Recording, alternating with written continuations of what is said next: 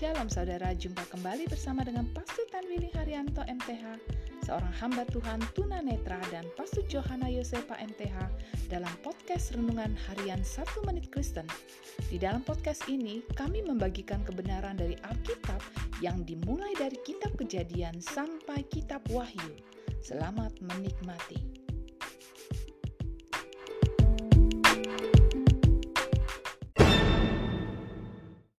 Salam saudara berkat di mata Tuhan, senang dapat jumpa dengan saudara. Hari ini firman Allah merahasiati kita untuk bersikap rendah hati. Mereka membawa semua pekerjaan mereka kepada Musa dan menyerahkannya untuk diperiksa dan diteliti hasilnya. Sekiranya mereka telah membuat kesalahan, apa saja maka kesalahan itu dapat segera diperbaiki. Saudaraku ketahuilah bahwa Allah yang telah memberikan kepada kita begitu banyak pengetahuan tentang bagaimana melakukan pekerjaan kita, seharusnya kita juga membangun sikap kerendahan hati untuk bersedia dikoreksi dalam pekerjaan itu.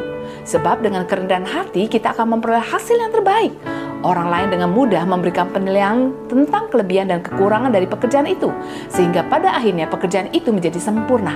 Firman Allah mengatakan, kesombongan mendatangkan kehancuran, kerendahan hati mendatangkan kehormatan.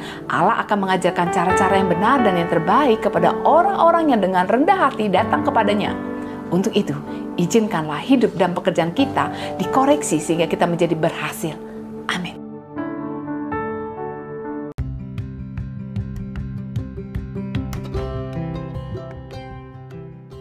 Terima kasih saudara telah mengikuti podcast Renungan Harian 1 Menit Kristen.